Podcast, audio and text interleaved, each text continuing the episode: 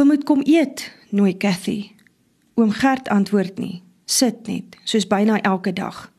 In die kombuis, aan die kop en end van die tafel en staar na sy uitgeteerde hande wat doodstil op die blad lê vir ure sonder om te praat. Die huis is stil en leeg en sonder Tannie Hetta se lag en gesels. By Jopie kon Cathy darm verneem dat Henny vir oom Gert gesê het dat daar nie eintlik meer werk vir hom op Varkensfontein is nie. Jopie sê Henny sê hy kan nie vir oom Gert en sy stiefkind sorg nie. Nog minder omdat hulle geen bydra tot die boerdery lewer nie, het Jopie kom vertel. Cathy vat die twee borde en draai stoof toe om twee lepels pap in elke bord te skep. Sy sit die klein bakkie kookvleis voor oom Gert op die tafel neer. Hy sal wel mettertyd vir hom vleis oor die pap skep. Oom Gert bid nooit meer aan tafel nie en Cathy maak haar oë toe en bid vir haarself. So gaan dit nou al amper 'n jaar. By die skool kom sy maar min. Juffrou Gous was al 2 keer hier om te kom hoor hoekom Cathy so baie afwesig is. Cathy moet skool toe kom Gert, het juffrou die laaste keer kom smeek, maar om Gert het net voor hom bly uitstaar. Buite het Cathy gehuil en juffrou het haar styf teen haar vasgehou en gesê: "Ek verstaan my kind. Beloof my net jy sal bly lees en skryf. Jy's 'n slim kind." Toe voeg sy by: "En jy moet nooit ophou sing nie." Toe Cathy sê dat dit die volgende jaar miskien beter sal gaan, het juffrou haar stywer vasgedruk en gesê: "Ek is nie aanstaande jaar meer hier nie, my skat. Ek het 'n pos by die hoërskool in die dorp gekry. Ek gaan weg." weg van muur se hoop af. Vir 'n oomblik het Cathy bly geword. Ek gaan mos volgende jaar dorpskool toe gaan, juffrou. Jy het reeds 'n jaar verloor. Jy was te veel afwesig.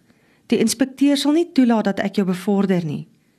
Sy moes die ongeloof en die skok op Cathy se gesig gesien het, want voordat Cathy kon antwoord, troos juffrou Gous. Ons het 'n nuwe skoolinspekteur, 'n meneer Piet Venter. Miskien kan ek hom oortuig. Dan kan jy dalk nog by my kom bly. Dit sal wonderlik wees, juffrou. Toe bedink sy haar. Maar wat dan van oom Gert? Juffrou het effens weg van haar afgestaan en toe sonder om na haar te kyk gepraat. Ek hoor hy en Stinie Losper kuier danig oor en weer. Sy kuier hier, hy kuier nooit daar nie, sê Cathy en wonder wat dit nou met volgende jaar te doen het. Kom ons praat vroeg volgende jaar weer, sê juffrou en begin terugstap plaashuise kant toe. Ek hoor David presteer so goed in die dorpskool, sê sy oor haar skouer. Die hoof sê dit is nou 'n mannetjie met potensiaal. Cathy is nie seker of sy presies weet wat potensiaal beteken nie, maar sy kan aan juffrou se stem hoor dat dit iets goeds moet wees. Gelukkig sal ek volgende jaar darm nie meer in dieselfde klaskamer as hy hoef te sit nie, sê Cathy en lag. Of saam met hom op 'n donkiekar skool toe hoef te ry nie. Was dit so erg? vra juffrou. Nie so erg as toe Henny nog die drywer was nie. Sonder Henny op die kar kon ek selfs partykeer amper met die twee lospers klaarkom. Juffrou lag net en waai oor haar skouer voordat sy flink wegstap. Dit sal lekker wees om weer skool toe te kan gaan en nie elke dag vir oom Gert te moet sorg nie. Cathy droom oor die hoërskool, die dorp en hoe heerlik dit sal wees om by juffrou te bly. Waar is die melk en suiker? Ruk oom Gert se skielike stem haar terug na die kombuis met die twee borde pap. Wil oom nie vleis op die pap hê nie? Dis nie vleis nie, dis opgekook. Dis al wat Jopie vir ons uit die koelkamer kon steel. Verstaan die oom dan niks meer nie? As dit nie vir Jopie was nie, het hulle nie eers meel gehad nie, want Henny het laat weet dat hy nie vir mense kan sorg wat niks vir die plaas inbring nie. Hy sê hy is nie die welsyn nie. Cathy haal die suiker en die melk van die rak af. Sonder 'n woord strooi oom Gert in gedagte suiker oor sy pap en gooi melk by sonder 'n woord.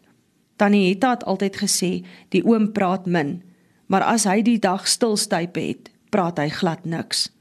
Vandat Tannie Hetta weg is, praat hy nooit. En dit is al amper 'n jaar. Gaan oom en Oustini trou? vra Cathy reguit. As dit waar moet wees, dink sy, sal sy moet daartoe gaan of juffrou haar daar nou wil hê of nie. Sy sukkel, antwoord hy tog. Ons sukkel ook, dan sukkel ons saam. Verder wil hy nie praat nie, al vra sy wat. Cathy probeer om nie verder aan die moontlikheid dat Stinie en haar goeie dogters saam met haar en oom Gert in een huis moet bly te dink nie. Die huis is te klein en ou Stinie se huis is ook nie veel groter nie. Hendrik wil glo Stinie se plaas koop, sê oom Gert toe hy opstaan en by die agterdeur uitloop. Dis dan hoekom Annie en Sunny vir Jopie gesê het hulle ma het nou baie geld en hulle gaan stad toe trek. Maar die twee lieg ook so, 'n mens kan hulle nooit glo nie. En die mense van Muurse Hoop skinder ook so. 'n Mens moet maar net wag en sien.